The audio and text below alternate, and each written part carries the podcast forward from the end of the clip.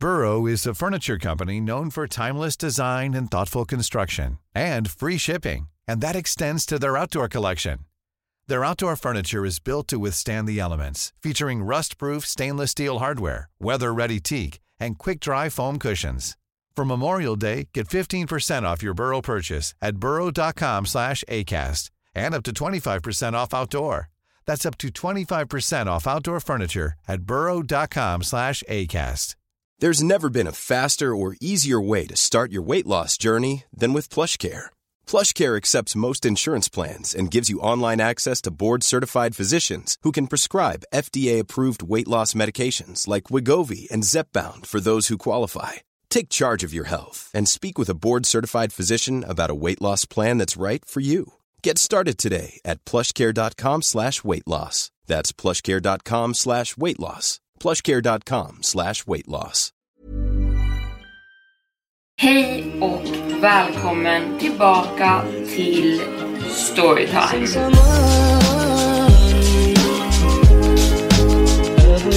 Hej och välkommen tillbaka till Storytime med mig Evelin Blomfelt.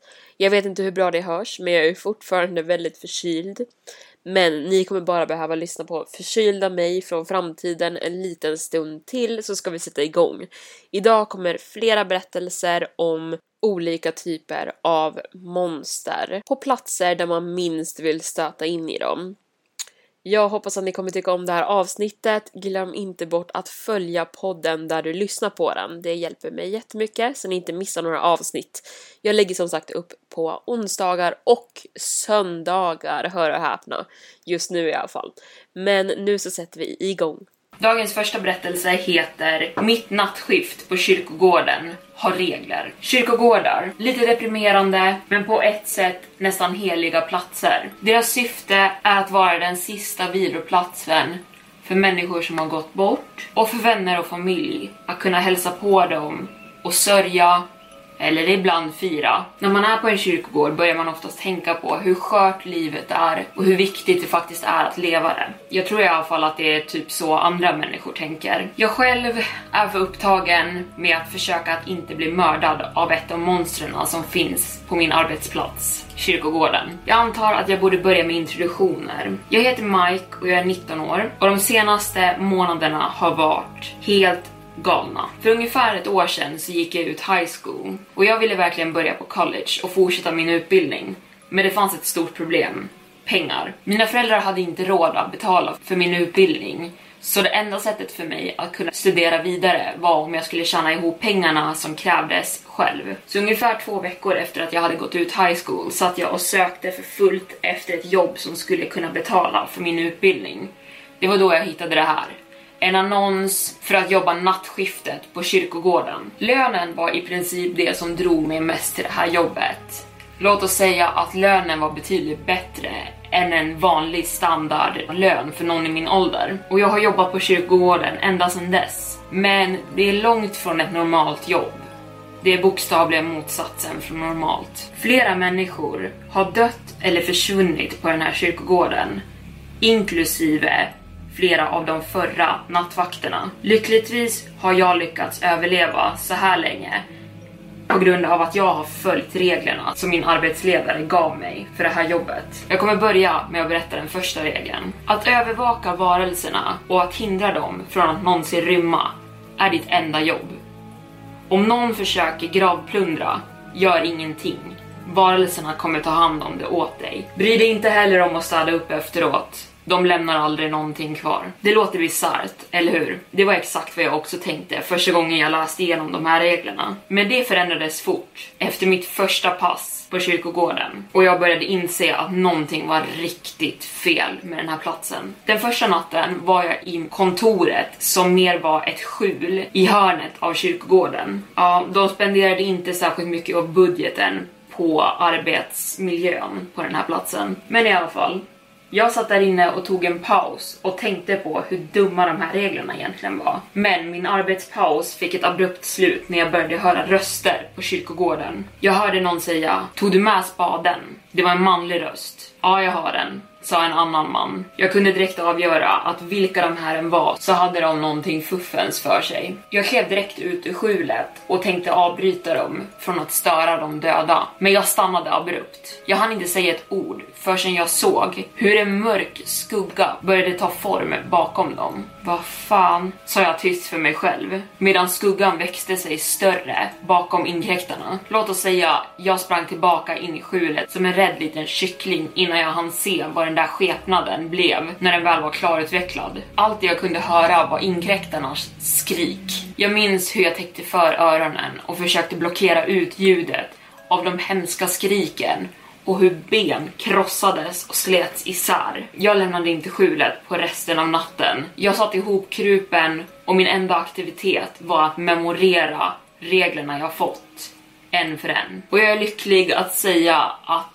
mina ansträngningar att memorera alla regler har hållit mig vid liv så här pass länge. Men jag ska inte ljuga. Jag är livrädd för det här stället nu. Det enda som håller mig kvar är pengarna. Pengarna väger tyngre än min rädsla. Hur som helst, jag måste avsluta det här inlägget nu. Mitt nästa nattskift kommer just börja och jag kommer uppdatera er nästa gång. Inlägg nummer två. Ursäkta för det tidigare inlägget. Jag skrev det lite i hast och lite dåligt förklarat. Så jag vill nu klargöra några fler saker. Vi börjar med hur den här kyrkogården faktiskt ser ut. Jag kommer inte skriva ut vart den här kyrkogården ligger med tanke på hur farligt det faktiskt är att, att vistas sig här. Kyrkogården är väldigt stor. Definitivt större än alla andra jag någonsin sett. En stor mur gjord av sten omsluter hela marken och marken på själva kyrkogården är också gjord av sten. Förutom gravplatserna såklart. I det högra hörnet av kyrkogården finns en gravplats som är separerad från resten av dem. Jag berättar mer om det senare. I det vänstra hörnet från huvudingången så ligger skjulet där jag sitter. Det är gjort av trä och är ungefär storleken av ett sovrum. I mitten av kyrkogården finns en lönndörr gjord av trä. Och nej, innan ni frågar, jag vet inte vad som finns under den och det är förbjudet att öppna den. Nu när jag har beskrivningen ur vägen så ska jag fortsätta berätta lite mer om reglerna på den här platsen. Regel nummer två. Rör inte kyrkogården. Kasta ingenting på den. Läs inte texten på gravarna. Kolla inte ens på gravarna i längre än 5 sekunder. Det är också rekommenderat att inte ens stå i närheten av dem om man har möjligheten att undvika dem. Jag har inte särskilt mycket att säga om den här regeln, förutom det sista de nämnde. För det upplevde jag nämligen nyligen själv. Det hände här om kvällen. Jag gick den vanliga rundturen längs kyrkogården och jag råkade vandra lite för nära gravarna utan att märka det. Jag hade förmodligen råkat gå in i en om jag inte hade slåtts av en hemsk känsla av illamående. Det fick mig instinktivt att backa undan och inse att jag stod alldeles för nära gravarna. Som tur var så hann jag bara kolla på dem i någon sekund innan jag insåg mitt misstag och sprang därifrån. Jag kände mig fortfarande väldigt illamående trots att jag sprang därifrån. Jag gick in i mitt skjul och spydde. Det tog några minuter innan jag var tillräckligt återhämtad för att fortsätta göra mitt jobb. Så ingenting alldeles för farligt. Men det blir konstigare när vi kommer till nästa regel. Regel nummer tre. Ta inte med mat till kyrkogården. De känner doften av det. Absolut väldigt konstigt. Så den här regeln kom jag i kontakt med några dagar efter hela illamående grejen. Jag satt i skjulet och läste stories på Reddit. Det var fortfarande några minuter kvar tills jag skulle gå min nattliga runda längs kyrkogården, så nej, jag är inte en latmask. Jag bara njöt av mina sista minuter av att sitta där inne innan jag behövde gå ut, när jag plötsligt började höra ljud. Oh, så det här är kyrkogården som det ska finnas monster på. Vilket skämt, hörde jag en ung kille säga. Jag suckade och tänkte, åh, oh, nu måste jag hantera massa dryga ungdomar så att de inte hamnar i fara. Det här jobbet var så pass farligt, men ändå fyllt av vanliga störande moment som finns i ett vanligt jobb. Oh, jag håller med, sa en ung tjej som svar till den andra killen där ute. Jag var på väg mot skjuldörren när jag plötsligt hörde prasslandet av plast och hur någon började tugga på något knaprigt. När jag öppnade dörren ut från skjulet såg jag ungdomarna stå på andra sidan gravplatsen. Mina ögon spärrades upp när jag fick syn på chokladkakan som den unga tjejen stod och åt på. Men det var för sent för mig att göra någonting nu. Tjejen skrek till av rädsla och tappade chokladkakan när en lång röd arm med klor fattade tag om hennes vrist. Hon försökte sparka sig fri men den höll i hårt. Den välte omkull henne och en annan röd arm kom upp från marken. Den sträckte sig in i hennes mun. Tjejen såg inte ut att kunna andas och hon var full av panik medan hon låg och sprattlade på marken. Den monsterlika armen som hade hållit henne runt benet släppte taget och sträckte sig också in i hennes mun nu. Tjejen såg ut att tappa medvetandet och svimmade av.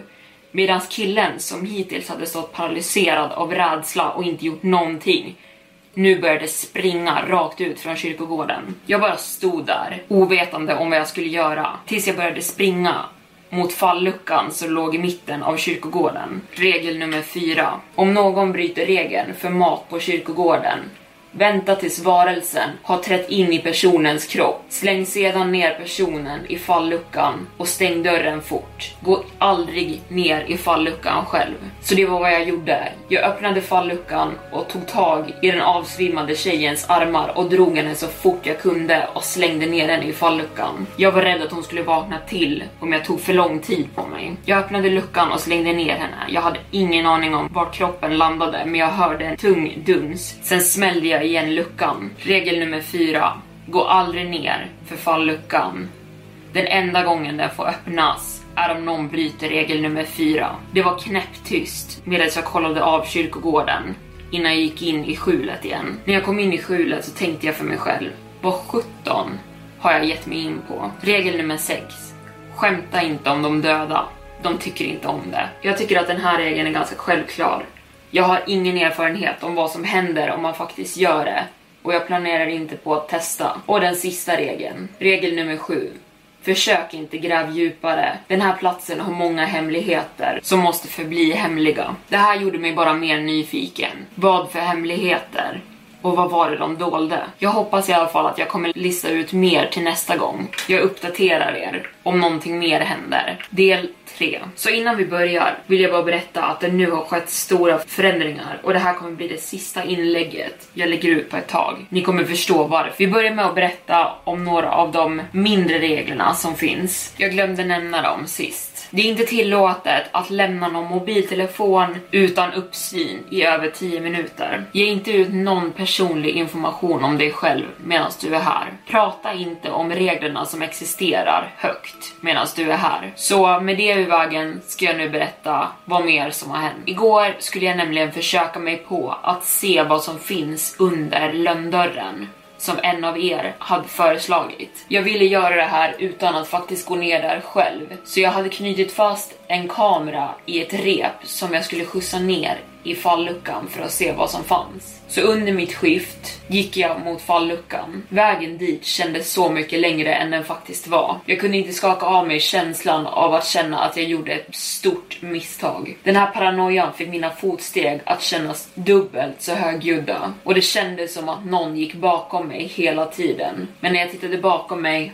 var det ingen där. Efter några minuter så nådde jag äntligen falluckan. Jag öppnade luckan försiktigt och långsamt och började hissa ner kameran. Jag spärrade upp ögonen. Jag kollade inte ner i avgrunden nedanför falluckan, utan jag granskade min omgivning. Men ingenting såg annorlunda ut.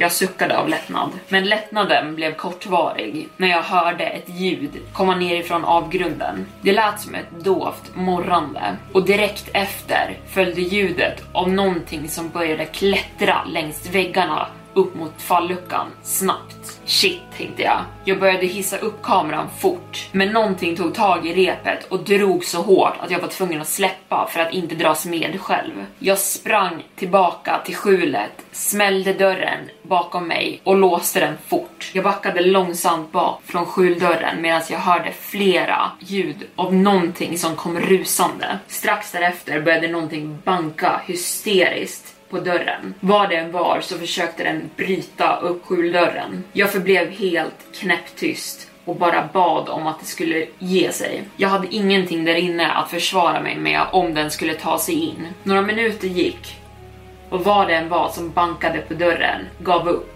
och gick sakta därifrån. Jag kollade försiktigt ut genom ett hål i skjuldörren och det jag såg såg ut att vara tjejen från några nätter tidigare som jag hade slängt ner i falldörren. Men någonting var fel med henne. Det såg liksom inte rätt ut. Det var off. Men jag kunde inte sätta mitt finger på vad det var som var fel. Jag stannade i skjulet resten av natten tills mitt skift tog slut tidigt på morgonen. Några timmar senare var jag hemma när min telefon började ringa. Jag kollade displayen och det var John, ägaren av kyrkogården. Jag svarade Hej John, vad he Men jag blev fort avbruten. Vi har inte tid att prata länge, sa han strängt. Så vad sjutton har du gjort? frågade han och han lät ovanligt arg. Vad menar du? Svarade jag, fast jag hade en aning om vad han pratade om redan. Regeln om falluckan, skrek han i telefonen. Du bröt den, eller hur? Jag stammade fram ett ja och förklarade att jag hade varit så nyfiken och bad om ursäkt. Du är ledsen. Inser du ens vad du har gjort?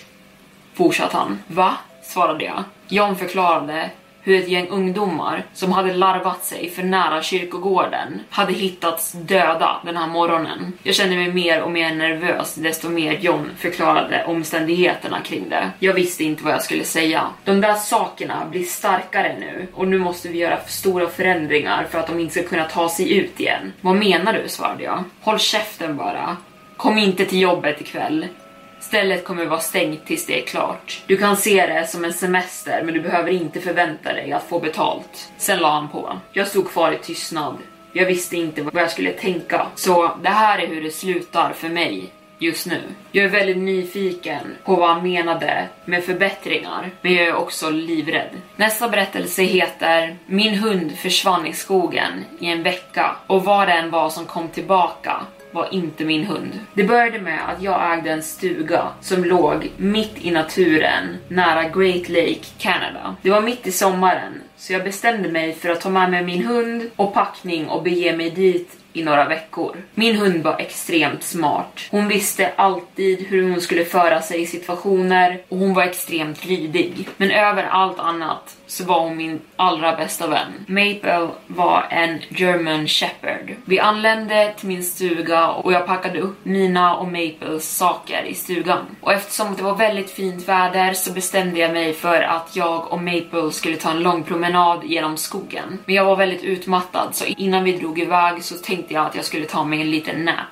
Jag har väldigt sällan tid att göra det annars. När jag väl vaknade igen så ville Maple ut med detsamma. Så vi gick ut. Solen bara stekte på. Det var så varmt. Medan vi är ute och går upptäcker vi några väldigt konstigt formade kottar och löv. Och jag kan nästan svära att jag såg någonting omänskligt försvinna fort bland träden. Men jag borstade bara av det och tänkte att mina ögon förmodligen bara var sömndruckna. Det kändes som det enklaste att göra. Efter ungefär en timmes promenad kom vi tillbaka till stugan. Jag lagade lite bacon och hällde lönnsirap över det. Såklart så älskar Maple allting som har med lönnsirap att göra.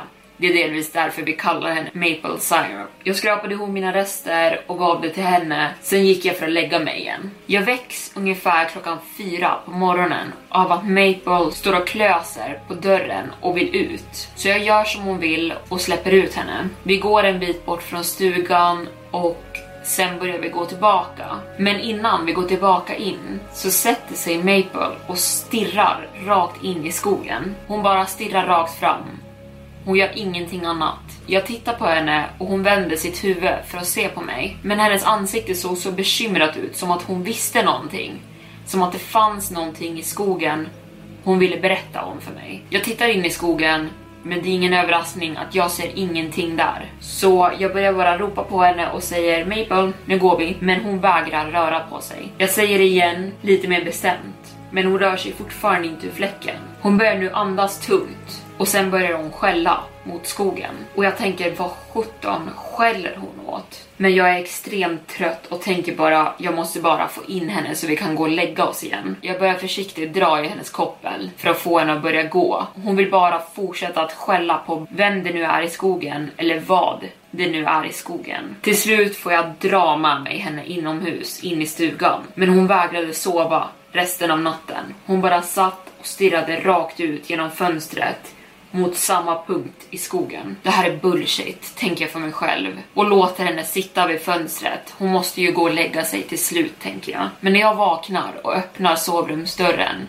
så sitter Maple fortfarande på samma plats och stirrar rakt ut. Hon märker knappt av att jag öppnar dörren. Jag börjar fundera på om jag behöver ta henne till veterinären. Jag ställer mig och gör min frukost, ägg igen, häller min lönnsirap över dem och så fort jag har ätit klart så kommer hon sakta och gåendes mot mig för att äta resterna. Jag fnyser åt henne och säger jaså så du ville bara ha något att äta eller hur? Så jag ger henne några av mina kvarblivna våfflor. Duktig tjej säger jag medan hon äter upp. Jag känner mig nöjd över att jag äntligen fick henne att sluta stirra ut i fönstret. Trots detta så kände jag mig inte längre säker att ta henne på promenad genom skogen. Så från och med nu så skulle vi bara gå på utändan längs gångstigen som leder omkring skogen. Vi tar en promenad och hon gör sin grej men den här gången är hon rädd för att gå in i skogen. Hon vägrade till och med gå på min högra sida som hon var tränad att göra, bara för att den sidan var närmast skogslinjen. Jag till och med försökte testa henne för att få henne att gå på högra sidan, men hon vägrade nu. Medan vi gick så kunde jag igen svära på att jag såg någonting människoliknande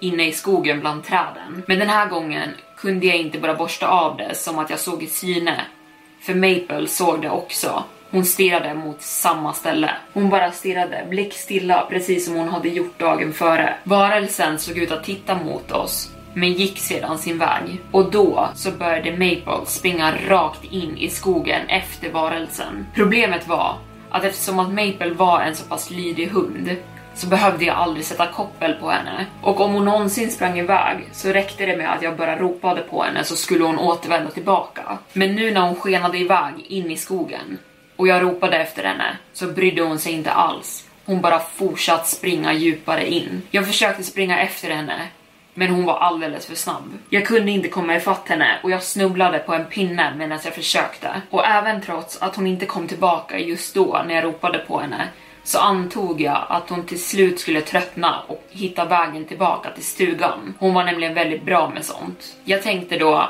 vad det än var som hade tittat på oss måste bara varit ett rådjur eller någonting. Och hon skulle förmodligen tröttna och komma tillbaka snart när hon kände att hon fått jaga av sig. Så jag gick tillbaka till stugan och sen började jag bara vänta. En dag passerade utan att Maple kom tillbaka och jag tänkte då okej, okay, hon kanske är lite vilse. Så jag bestämde mig för att ställa mig utanför och börja ropa på henne. Jag satt där i ungefär en timme och väntade och ropade.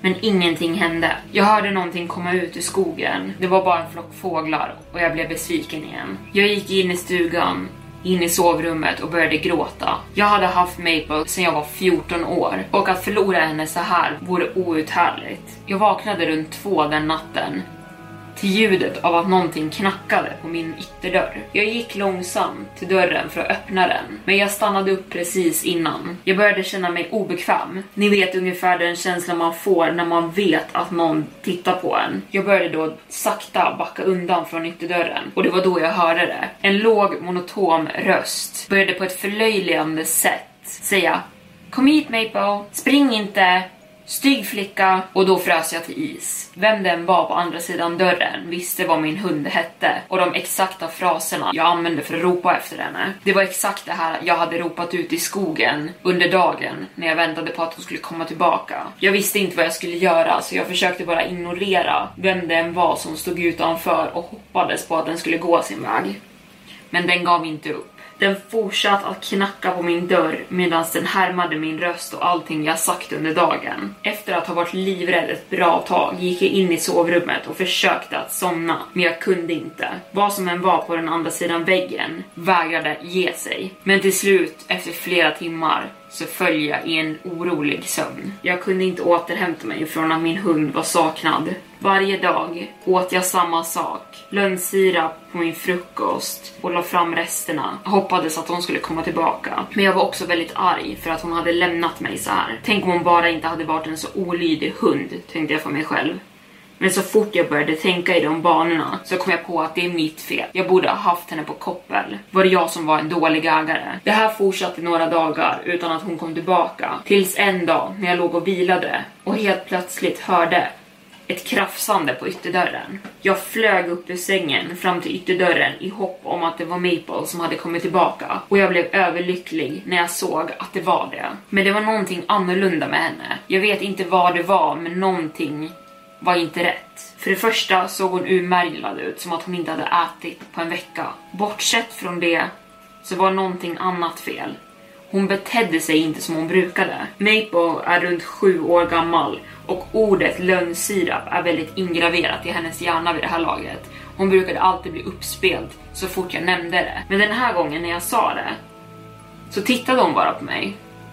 Men ingen reaktion för övrigt. Hennes ögon såg annorlunda ut. Jag kan inte beskriva vad som var fel med dem, men någonting var inte rätt. Samtidigt så började hon morra ett dovt morrande mot mig och jag började nu ifrågasätta om det här ens var min hund. Men jag antar att jag bara var så desperat för att få min hund tillbaka så jag ignorerade det här från början. På kvällen när jag tittade på TV ville hon inte ens sitta bredvid mig i soffan. Jag gick och la mig, men jag vaknar till att jag hör knackningar på min dörr. Jag kollar på klockan och det är bokstavligen mitt i natten. Vem som än var utanför dörren visste att jag låg inne i mitt sovrum. Knackandet slutade helt plötsligt och jag trodde en sekund att jag var säker igen tills jag hörde det.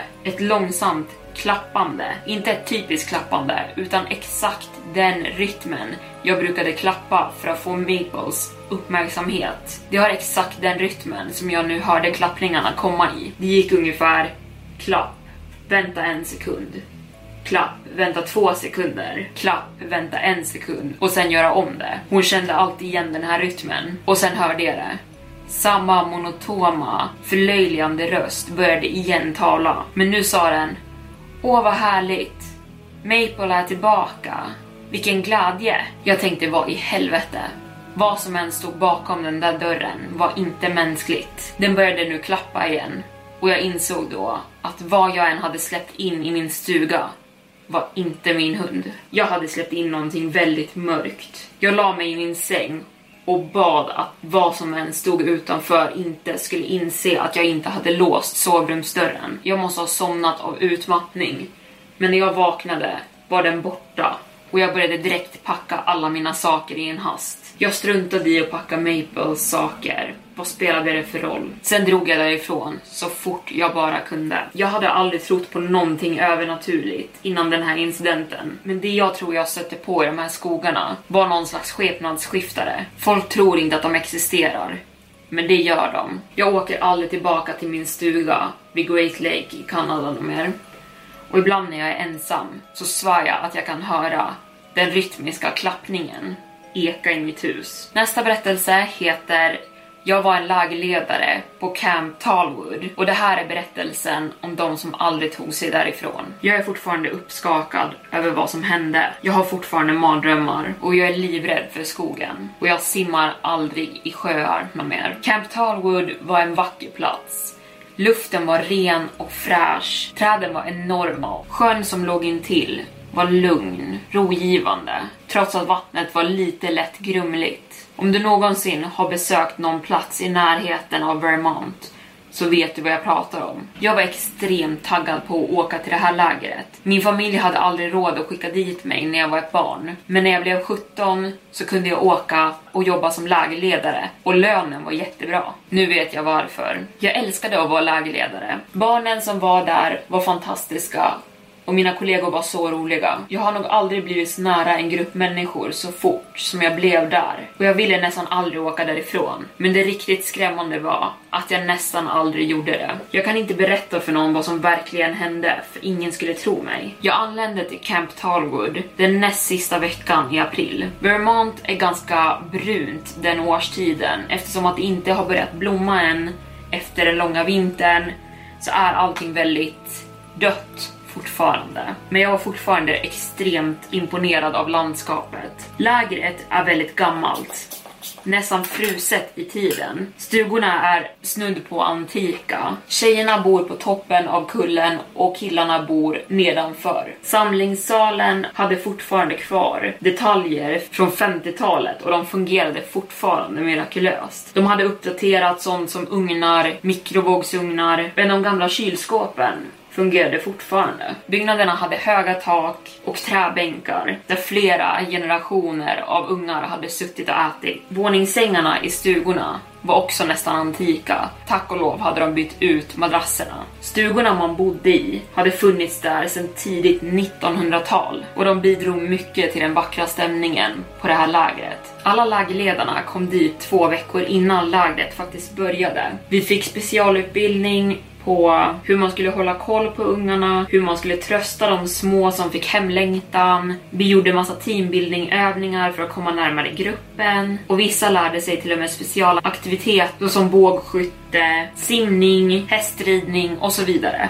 Och vi alla lärde oss hur man var en livvakt runt vattnet. Miss Melissa, som ägde lägret, var väldigt mån om just vattensäkerhet runt sjön. Vi tänkte först att hon bara var väldigt passionerad om att hålla alla barn så säkra som möjligt. Jag borde dock fattat att någonting var off. För vissa av reglerna hon hade satt upp var udda. Som ingen camping i skogen och ingen hiking efter solen hade gått ner. Lägereldar var tillåtna men bara på en utsedd plats som låg mitt bland stugorna. Och att gå till sjön under nattetid var strikt förbjudet. Om vi skulle bryta mot någon av de här reglerna så skulle vi få packa direkt och åka hem. Återigen, vi tänkte bara att hon var väldigt Hey, I'm Ryan Reynolds. Recently, I asked Mint Mobile's legal team if big wireless companies are allowed to raise prices due to inflation. They said yes. And then when I asked if raising prices technically violates those onerous two year contracts, they said, What the f are you talking about, you insane Hollywood ass? F- So to recap, we're cutting the price of Mint Unlimited from $30 a month to just $15 a month. Give it a try at mintmobile.com slash switch. $45 upfront for three months plus taxes and fees. Promo for new customers for limited time. Unlimited more than 40 gigabytes per month. Slows. Full terms at mintmobile.com. Burrow's furniture is built for the way you live.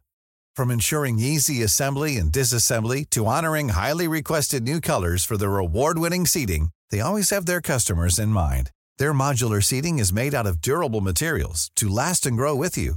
And with Burrow, you always get fast, free shipping.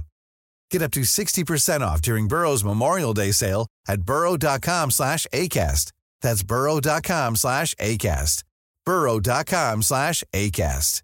Hiring for your small business? If you're not looking for professionals on LinkedIn, you're looking in the wrong place. That's like looking for your car keys in a fish tank. LinkedIn helps you hire professionals you can't find anywhere else, even those who aren't actively searching for a new job but might be open to the perfect role. In a given month, over 70% of LinkedIn users don't even visit other leading job sites. So start looking in the right place. With LinkedIn, you can hire professionals like a professional. Post your free job on linkedin.com slash people today. Hey there, it's Michelle Norris. I'm host of a podcast called Your Mama's Kitchen. When I travel, I'm usually looking for a way to find a taste of home when I'm not at home. And one of the things I love to do when I am at home is entertain. And Airbnb allows me to do that. When I was in California recently, I rented a house that had a great kitchen. And when we were sitting around the table, we we're all thinking, we're in someone else's house. Someone could be in all of our homes as well. If you have a home, but you're not always at home, you have an Airbnb. Your home might be worth more than you think. Find out how much at airbnb.com/slash host. Väldigt extrem med säkerheten. Vi övervägde aldrig att hon kanske beskyddade oss med god anledning. Hon förbjöd också utanför matsalen om det inte var s'mores kväll och vi skulle grilla vid lägerelden hon utsett. Skulle någon tappa någon mat utanför var det väldigt viktigt att man plockade upp varenda smula. Hon sa att tvättbjörnarna annars skulle komma och infestera det. Vi var bara åtta stycken som jobbade den sommaren. Ifrågasatte aldrig varför vi var så få. Det fanns inga återkommande lägerledare som hade varit där åren tidigare och inga lokala boenden i Vermont kom för att jobba här. För hela första veckan fick, gick faktiskt toppen. Vi hade lägereldar varje kväll och spenderade dagarna runt sjön, i stallen, lärde oss att hajka och ta oss runt området. Jag har aldrig sett ett så lugnt och stillsamt skogsområde i mitt liv. Det var runt den andra veckan som saker började bli konstiga. Träden kändes som de iakttog oss. På natten så kändes det som att mörkret var oändligt mellan träden och jag kände mig ständigt iakttagen vart jag än gick. Och sjön hade en läskig stillsamhet som gav mig gåshud. Någonting bara kändes fel. Och för övrigt så finns det inte så mycket annat att tänka på när man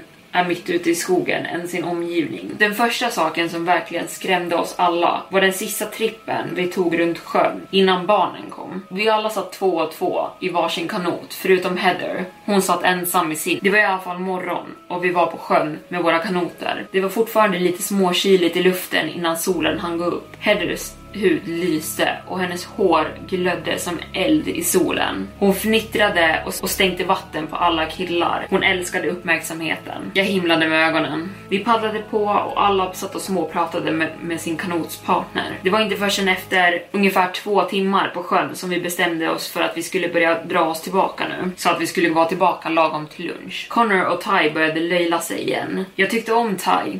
Han var faktiskt ganska gullig, men Connor däremot, han var bara dryg. Han dreglade alltid över Heather, men vem kan klandra honom? Alla killar gjorde det. Han tyckte tydligen att det skulle vara en bra idé att nu välta hennes kanot och Heather hade ingen flytväst på sig. Miss Melissa hade blivit riktigt arg om hon visste att vi alla hade tagit av oss dem nu. Men hallå, Heather var en surfare. Stillsam sjö var väl ingenting för henne jämfört med vågorna hon var van med. Det började med att Heather splashade vatten på Ty och Connors kanot och de gjorde detsamma tillbaka och sen välte de hennes. Heather flög ner i det mörkgröna vattnet. Men sen kom hon inte upp något mer. Det kom inga splashanden, inga bubblor, ingenting. Vi alla frös till. Sjöns yta låg fortfarande helt stillsam, men inget livstecken från Heather. Vi väntade på att hon skulle komma upp skrattande som hon alltid gjorde. Men nu hade hon varit under vattnet för länge. Heather skrek Connor, det är inte roligt. Som att hon skulle kunna höra honom. Vi alla fick panik nu och visste inte riktigt vad vi skulle göra. Sedona som satt i min kanot sa fan, drog av sig tröjan och hoppade i efter henne. Hon kom upp för luft och sen dök hon ner igen. Och igen, och igen, och igen men hon kunde inte hitta Heather. Då hoppade vi alla i. Sjövattnet var iskallt och jag tappade nästan andan när jag hoppade i. Jag glömde nästan bort vad, vad jag gjorde i vattnet för att det var så iskallt tills jag insåg Heather, vi måste hitta Heather. Men vi hittade aldrig Heather. Vi letade och letade tills vi tappade känseln i kroppen av det kalla sjövattnet och var tvungen att hoppa upp i kanoterna igen. Vi alla var ordentligt omskakade och tog oss in till strandkanten igen. Vi berättade för Miss Melissa vad som hade hänt. Hon blev först förbannad, men hon verkade också väldigt skrämd. Hon sa att hon skulle ringa brandkåren och sa åt oss andra att gå in. Jag var chockad att vi alla inte fick sparken där på plats, men det var trots allt bara två dagar tills barnen skulle komma. Lägerelden var tyst den kvällen. Ingen gjorde ifrån sig ett ljud. Allt som hördes var vinden och elden som sprakade, skakad av dagens händelser och ingen sa någonting. Lägerelden var tyst den kvällen. Det enda som hördes var vindens susande och eldens sprakande. Vi alla satt tillsammans, men ingen gjorde ett ljud. Men helt plötsligt bryts tystnaden av ett annat ljud. Blöta, tunga fotsteg kommer klampandes från samma håll som sjön. Fotstegen kommer närmre och närmre tills vi ser Heather drypande våt. Hon kom ut ur mörkret från hållet där sjön låg och lystes nu upp av eldens lågor. Hon skakade som ett asplöv. Sen stammade hon fram. Varför sa ni inte att lägerelden hade börjat? Sen kollapsade hon. Hon togs direkt till sjukstugan. Hon kämpade med att andas där hon låg och fortfarande skakade av kölden. Hennes hår och hud var fulla med lera från sjöbottnen. Det såg ut som att det hade lagrats på hennes fötter. Men det läskigaste var att hennes fingernaglar saknades och där det en gång hade funnits en vacker blå manikyr fanns nu bara köttiga stumpar. Melissa försökte dölja alla klösmärken som Heather hade på sin rygg och på sina armar och de blålila blåmärkena hon hade fått på baksidan av sin nacke. Men vi alla hann se det. Det läskiga var att de såg väldigt mänskliga ut och det gav mig rysningar genom hela min kropp. Melissa ringde aldrig någon ambulans. Sjuksystern i sjukstugan hade alla sorters instrument och verktyg vi aldrig hade sett för. Hon hette Amanda och när hon inte jobbade på sommarlägret på sommaren så arbetade hon på akutmottagningen så hon var väldigt erfaren. Melissa verkade bara vilja ha den allra bästa personalen på plats. Den andra sjuksystern, Katie, stod bredvid och spärrade upp ögonen i skräck. Vi tyckte hela situationen var bisarr och försökte ringa 112 men ingen av våra mobiltelefoner hade täckning. Den enda andra telefonen som fanns på plats fanns i Melissas kontor inlåst och det var flera, flera mil till närmaste stad. Vi började inse att vi var fast här och ingen skulle komma och hämta oss förrän i slutet av sommaren. När barnen väl anlände så kändes det som att mörkret lättade en aning. Förmodligen för att det blev så mycket mer liv på stället. Heather återhämtade sig förvånansvärt fort men så fort det blev kväll och mörkret föll så drog hon sig tillbaka och blev tystlåten. Ibland såg det nästan ut som att det inte fanns någonting bakom hennes blåa ögon mer. Och varje gång vi försökte ifrågasätta henne om vad som faktiskt hände henne så blev hon tyst och väldigt obekväm. Så vi backade och, och gav henne sitt utrymme. Men hon stannade ungefär bara en vecka efter incidenten. Hon sa åt oss alla att hon såklart skulle hålla kontakten med oss alla och att hon skulle sakna oss så mycket. Men hon hade fått en möjlighet hemma i Kalifornien och starta sitt eget surfmärke och ville såklart åka hem därför. Vi fick se brevet hennes mamma hade skickat henne om möjligheten hon fått och vi trodde såklart på henne. Jag har från Heather sen dess, men jag har sett massor av bilder från hennes Instagram och hon ser ut att leva sitt bästa liv och jag hoppas att hon mår bra. Barnen var fantastiska och när de anlände så fick vi också se en annan sida av Melissa. Hon blev mer bekymmersfri, glad och rolig och hon kändes väldigt varm. Hon lärde barnen lägereldssånger, hon tog dem på hikes, lärde dem att fånga kryp och att fågelskåda. Men hon gick aldrig till sjön och gick aldrig heller djupt in i skogen själv. Vi hade en lägereld varje kväll. Ibland så gjorde vi s'mores och ibland så grillade vi varmkorv. Vi sjöng sånger och berättade lagom till läskiga spökhistorier kring elden. Det är någonting med en lägereld mitt i skogen som får allting att bli mer spännande. Man märkte verkligen att barnen stormtrivdes här och hade så roligt. Men det var i den sista veckan av juni som saker började bli riktigt konstiga. Jag kan svära att jag hörde fotsteg inne i stugan när jag visste att jag var den enda där inne. Och vi alla brukade höra knackningar på dörrarna och på fönstren mitt i natten. Det här brukade såklart skrämma barnen och vi lägerledare brukade bara säga att det var pojkarna som spelade oss ett spratt trots att vi visste att det inte var någon utanför. Oron växte sig större i våra bakhuvuden och vi visste att någonting egentligen var fel. Men saker blev riktigt illa i juli. På kvällarna började vi höra skratt som ekade från skogen och vi var därför tvungna att ha våra lägereldar tidigare och tidigare varje kväll. Skrattet var vildsint och ekade bland träden och ibland lät det närmare och ibland lät det mer längre in i skogen. Och jag kan svära att jag ibland såg eldflammor inifrån skogen. En kväll när barnen hade gått och lagt sig så satt vi lägerledare kvar runt elden när kocken på lägret kom och anslöt sig till oss. Det var en äldre dam som kallades Midge och vad hon berättade skrämde livet ur oss alla. Hon tog ton och sa, jag slår vad om att ni undrar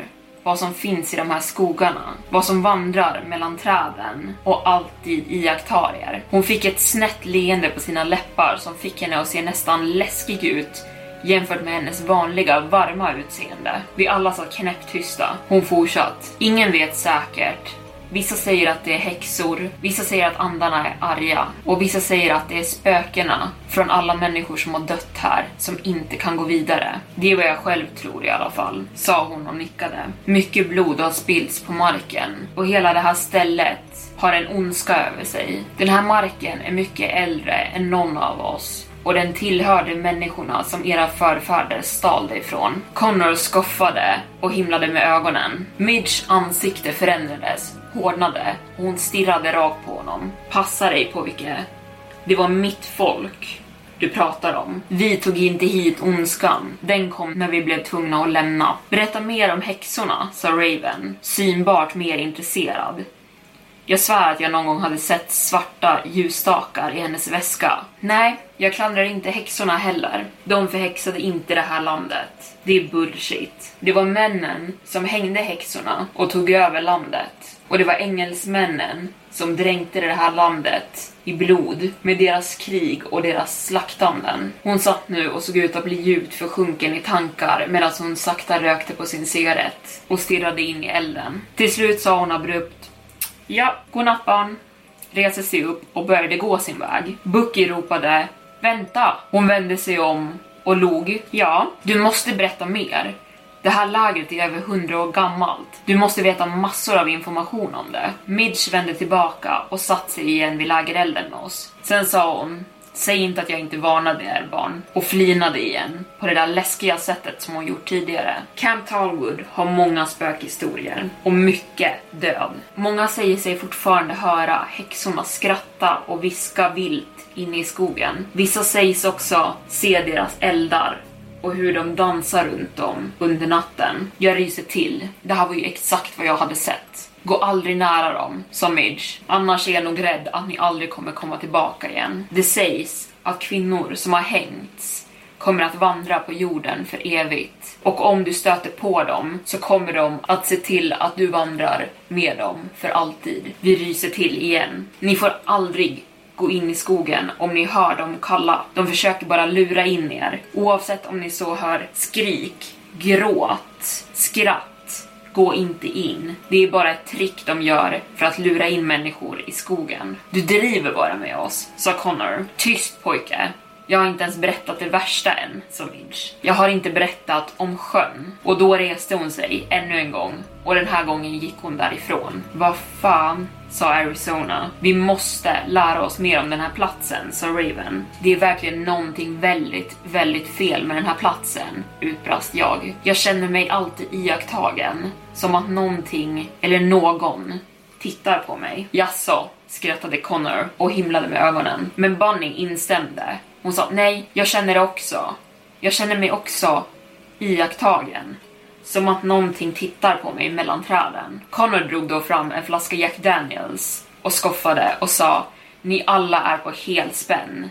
Ta en sipp av den här så ska ni se att ni mår bättre. Så vi gjorde det faktiskt. Vi passade runt flaskan varv för varv och stämningen lättade gradvis. Det var då vi hörde det.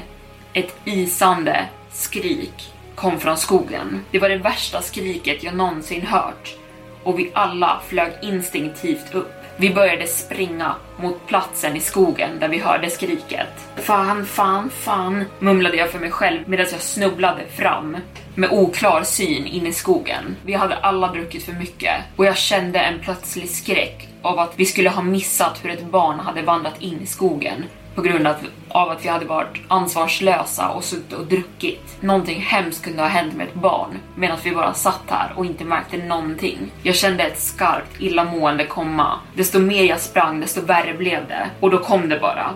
Jag spydde rakt ut medan jag sprang i panik in i skogen. Vi alla sprang och skriket blev mer desperat. Värre. Men helt plötsligt så slutade det bara. Och det var ingen där. Vi hade nu sprungit långt in i skogen och vi var helt ensamma. Och tystnaden som omslöt oss var brutal. Vi hörde inga syrsor, ingen vind, inga djur, ingenting förutom tystnaden. Det var också kolsvart, så som om månljuset inte kunde nå in i den här delen av skogen. Efter en stund sa Bucky, jag vet vart vi är.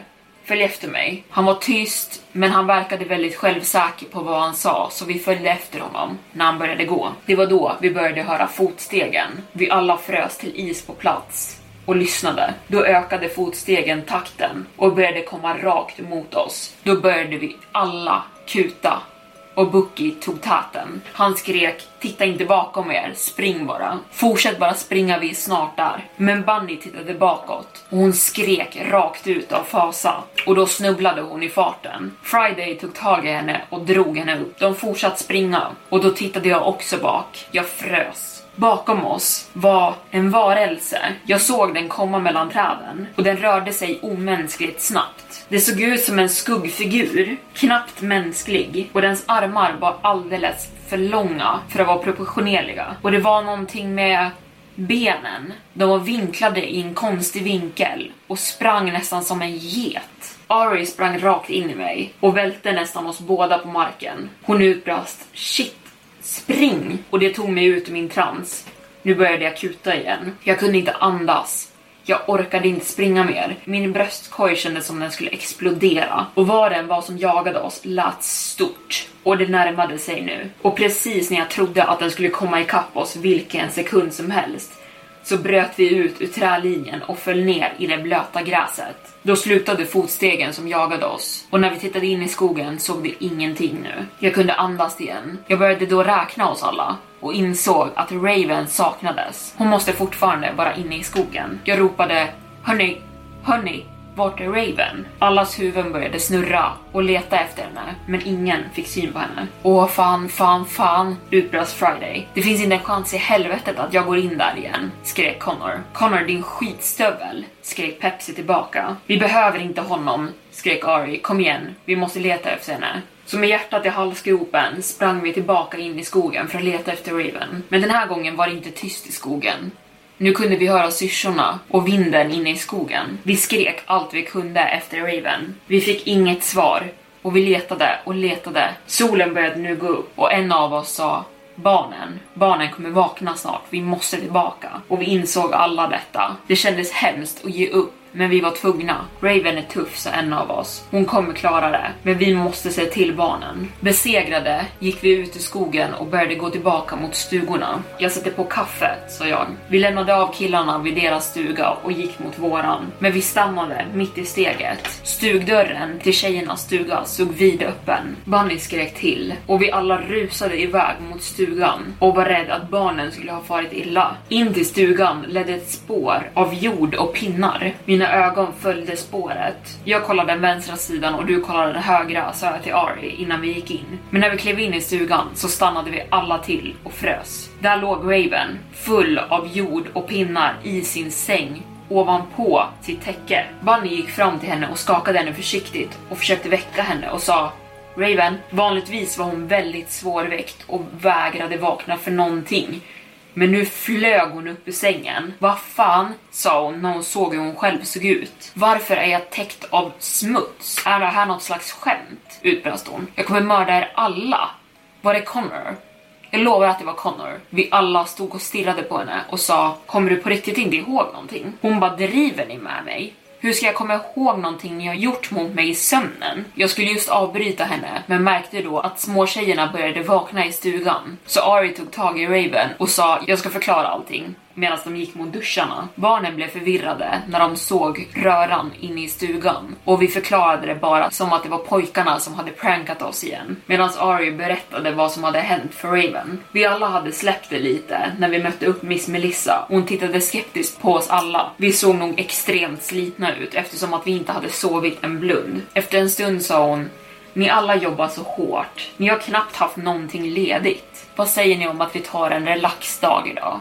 Vi tar det bara lugnt. Ni alla kan ta barnen till sjön idag och så gör vi glass till lunchen. Hur låter det? Och ikväll kan jag och Amanda ta barnen och titta på film så kan ni alla få ta en paus. Hon började gå sin väg men hon vände sig om och tittade på oss en sista gång och sa jag vet att ni alla är trötta, men kom ihåg att ha ordentlig uppsikt över barnen vid sjön. Connor började härma henne och upprepade hennes säkerhetsregler som hon så många gånger upprepat för oss. Hon blev irriterad och sa, jag är allvarlig unga man. Oroa dig inte Miss Melissa, försäkrade Bunny henne om. Vi kommer ha ordentlig koll på dem. Tack Bunny, sa Melissa och, och log mot henne. Vi alla klunkade kaffe för att hålla oss vakna den dagen. Men jag kände mig på helspänn under hela dagen.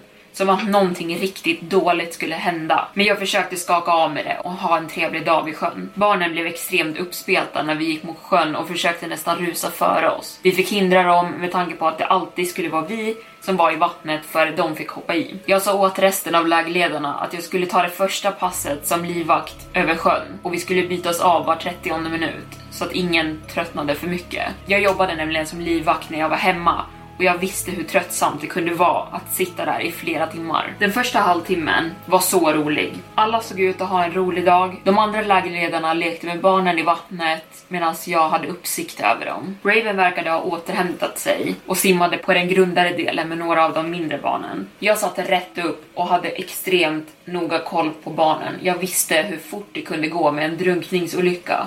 Ibland märkte man ingenting när de försvann ner under vattnet. Jag räknade kontinuerligt huvudena och såg till att alla fortfarande var vid ytan. Det var därför Miss Melissa också gillade att ha mig som livvakt runt vattnet. Hon visste att jag hade erfarenhet av det här. Solen värmde min kalla kropp efter natten. Jag hade dock ordentligt med solskyddsfaktor på mig. Jag brände mig extremt lätt. Efter lunchen fick alla glass. När alla var mätta och nöjda så skulle Connor vara livvakt. Jag varnade honom extra mycket för tröttheten som kommer när man just har ätit och ska simma och sa åt honom att han måste ha extrem koll nu. Han borstade bara av mig och tyckte att jag var jobbig. Han satt och lekte med sin visselpipa och försökte få Aris uppmärksamhet när hon låg och solade på bryggan. Men för övrigt så hade vi fortsatt en trevlig dag och alla såg ut att ha glömt nattens händelser för en stund. Jag tror den varma sommarsolen bidrog mycket med det. När alla hade badat klart och klätt på sig så tog vi alla in dem i stugan och förberedde för filmkväll. Vi skulle just gå tillbaka till våran stuga och ta en mycket välbehövd nap när Miss Melissa stoppade oss och frågade om vi hade kontrollräknat dem efter de kom upp. Fan, mitt blod frös till is. Hade vi gjort det? Pepsi stammade fram. Vi gjorde det efter lunch. Melissa såg irriterad ut och sa ja, men jag frågade om ni gjorde det efter alla kom upp den här gången. Vi alla stod tysta. Vi hade glömt det. Melissa sprang in i stugan där barnen satt för att titta på film och började räkna alla. Ni måste kontrollräkna nu, väste hon åt oss och vi började göra som hon sa. Vi räknade flera gånger. De skulle allt som allt vara 25 stycken barn. Vi räknade de äldre barnen och sen de yngre. Och sen de yngre en gång till och en gång till. Men vi insåg att istället för att vara 13 stycken var de nu 12. Lilla Michael saknades. Det var alltså del 3 som är den sista delen som finns ute på den här berättelsen. Men jag tror den här användaren kommer lägga ut flera delar. Om hon gör det så kommer jag att göra en storytime om det i framtiden. Men nu, just nu är det allt vi har. Så nu går vi vidare på nästa berättelse. Den här berättelsen heter Sakerna som gömmer sig i vildmarken. Jag kommer fortfarande ihåg den här dagen som att det hände igår. Jag var på min resa i Sverige på en väldigt avlägsen ort i ett naturreservat. Det här var under vinterhögtiderna. Jag förberedde ett litet läger i en övergiven jaktstuga jag hade blivit tipsad om av en kompis som tidigare varit här. De första dagarna gick som förväntat. Jag hajkade runt i området, njöt av naturen, jag bara njöt av ensamtiden. Men på dag fem så hände någonting extremt märkligt. Efter en lång dag av hajkande i området så satt jag i jaktstugan och förberedde min måltid på min lilla minigrill jag hade med mig. Solen började gå ner och skogen fylldes av ett gyllene ljus ifrån de sista solstrålarna. Efter att jag hade ätit min middag så gick jag ut för att kissa. Men sekunden jag tog tag i dörrhandtaget som ledde ut fylldes jag av en obeskrivlig skräck. Det var som att min kropp instinktivt sa åt mig att inte öppna dörren. Jag stod still i en sekund och funderade på varför jag kände som jag gjorde. Men sen sa jag åt mig själv att skärpa mig och bara gå ut och kissa. Vad kunde hända? Jag gick en liten bit från stugan mot buskage och gjorde min grej. Men när jag började gå tillbaka till jaktstugan började jag höra ett väldigt konstigt ljud. Det lät som ett dovt klickande och det ökade takten. Den bästa beskrivningen jag skulle kunna ge på det här ljudet var ett rovdjur som försökte låta som The Grunge. Jag började springa mot jaktstugan. Jag hade upplevt nog med skrämmande saker i skogar förut för att stanna och ta reda på vad som lät sådär. Jag smällde igen dörren bakom mig, låste den med kedjor och sen satt jag mig så långt från dörren jag kunde och bara lyssnade. Jag lyssnade för minsta lilla ljud som skulle komma utifrån och det var då jag hörde det. En gren gick av precis utanför stugan. När jag hörde ljudet flög jag nästan genom taket av skräck. Mina nerver var på helspänn. Och sen hörde jag det. Ett knackande på dörren. Först knackade det väldigt mjukt, som att det nästan knackade i en rytm. Men knackandet övergick i ett bankande som sen blev ett vildsamt skrapande. Vad den var utanför planerade verkligen på att ta sig in i jaktstugan och jag hade inga intentioner av att låta det komma in. Jag tog tag i min jaktkniv och jag satt mig blickstilla på stolen med ögonen uppspärrade mot dörren. Jag satt vaken hela natten och stirrade mot dörren. Jag vågade inte somna. Jag vågade röra på mig först när solen började gå upp igen. Då hade ljudet sedan länge försvunnit. Jag lämnade stugan först på morgonen när solen sken igen för att lätta på trycket i min överfyllda kissblåsa. Men när jag gick tillbaka mot jaktstugan så såg jag hur ytterdörren såg ut. Det såg ut ungefär som att en björn hade gått loss på den. Vad det än var som hade varit utanför jaktstugan hade haft en otrolig styrka och den där dörren skulle inte hålla för mycket mer än det här. Det här skrämde mig rejält. Men jag gick ut på en till hike den dagen och försökte bara borsta av händelsen från natten. Under dagen så somnade jag av utmattningen från natten. När jag vaknade upp från min vilopaus var det alldeles för sent för att ge sig ut igen. Och skulle jag försökt hitta tillbaka till parkeringen skulle jag definitivt gått vilse i mörkret nu. Så jag bestämde mig för att jag skulle stanna en sista natt i jaktstugan innan jag begav mig därifrån. Men det var ett stort misstag. Natten var kolsvart. Månen gav knappt något ljus alls. Skogen var tyst. För tyst. Det blev spökligt. Sen hörde jag dem, de klickande ljuden och de kom närmre och närmre. De ekade fram genom nattens tystnad. Och sen kom skriken igen. Det lät nästan som en lokatt skrek. Men som att den hade rökt cigaretter i hundra år. Det kom närmare och närmare och närmare. Och sen Tystnad. Jag satt nu upprätt i min sovsäck, helt klarvaken. Jag greppade jackkniven hårt och bad till gud att dörren skulle hålla en natt till. Och nu började det igen. Knackningarna. Först på dörren, men sen började det knacka på fönstret istället. Jag kunde se siluetten av vad det nu var som stod där ute genom persiennerna på fönstret. Månen gav just tillräckligt mycket ljus för att jag skulle kunna avgöra några drag på varelsen. Den såg halvmänsklig ut, men jag visste att den inte var det. Proportionerna var helt fel på kroppen. Den hade smala, långa armar på en lång, omänskligt smal kropp. Men det som verkligen skrämde mig var händerna. Åh gud, de där händerna, eller snarare klorna. De var också långa och smala och avslutades med sylvassa, skarpa naglar. Vad den där saken än var så kunde det orsaka mycket skada. Den började nu cirkulera runt huset. Jag kunde höra snön under ens fotsteg. Den cirkulerade väldigt sakta Tills den helt plötsligt stannade. Den måste ha stått still i vad som kändes som 40 minuter. Med mig på andra sidan dörren, livrädd för att röra på mig. Knäpptyst för att hela tiden ha ett hum om vart den där varelsen befann sig. Då helt plötsligt gjorde den ett utfall rakt mot ytterdörren och försökte tackla in den. Jag kunde se hur gångjärnen på dörren kämpade för att hålla sig kvar. Jag visste att om den här dörren skulle ge upp, då stod jag näst på tur. Jag flyttade mig då och satte ryggen som stöd mot dörren och tryck allt vad jag kunde mot den. Efter att den där saken hade knackat på dörren i ungefär 10 minuter så släppte den ut ett blodisande vrål och började sen springa bort från stugan med läskigt hög fart. Den här saken var väldigt lätt på fötterna. Vid soluppgången packade jag mina saker så fort som bara möjligt. Sen började jag hajka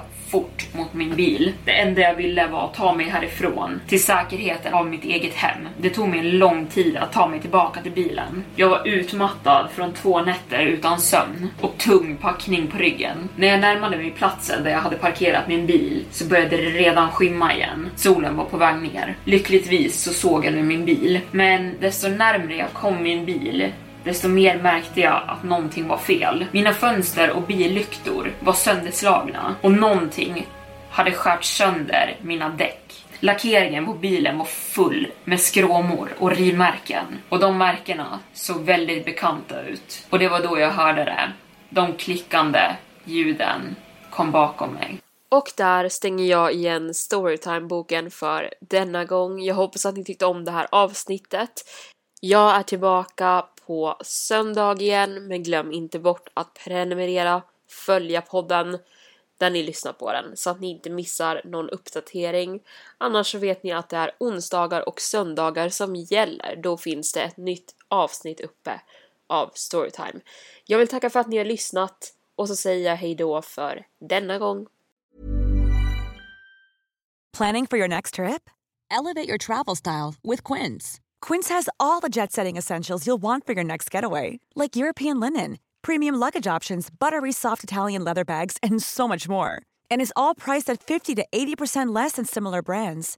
Plus, Quince only works with factories that use safe and ethical manufacturing practices.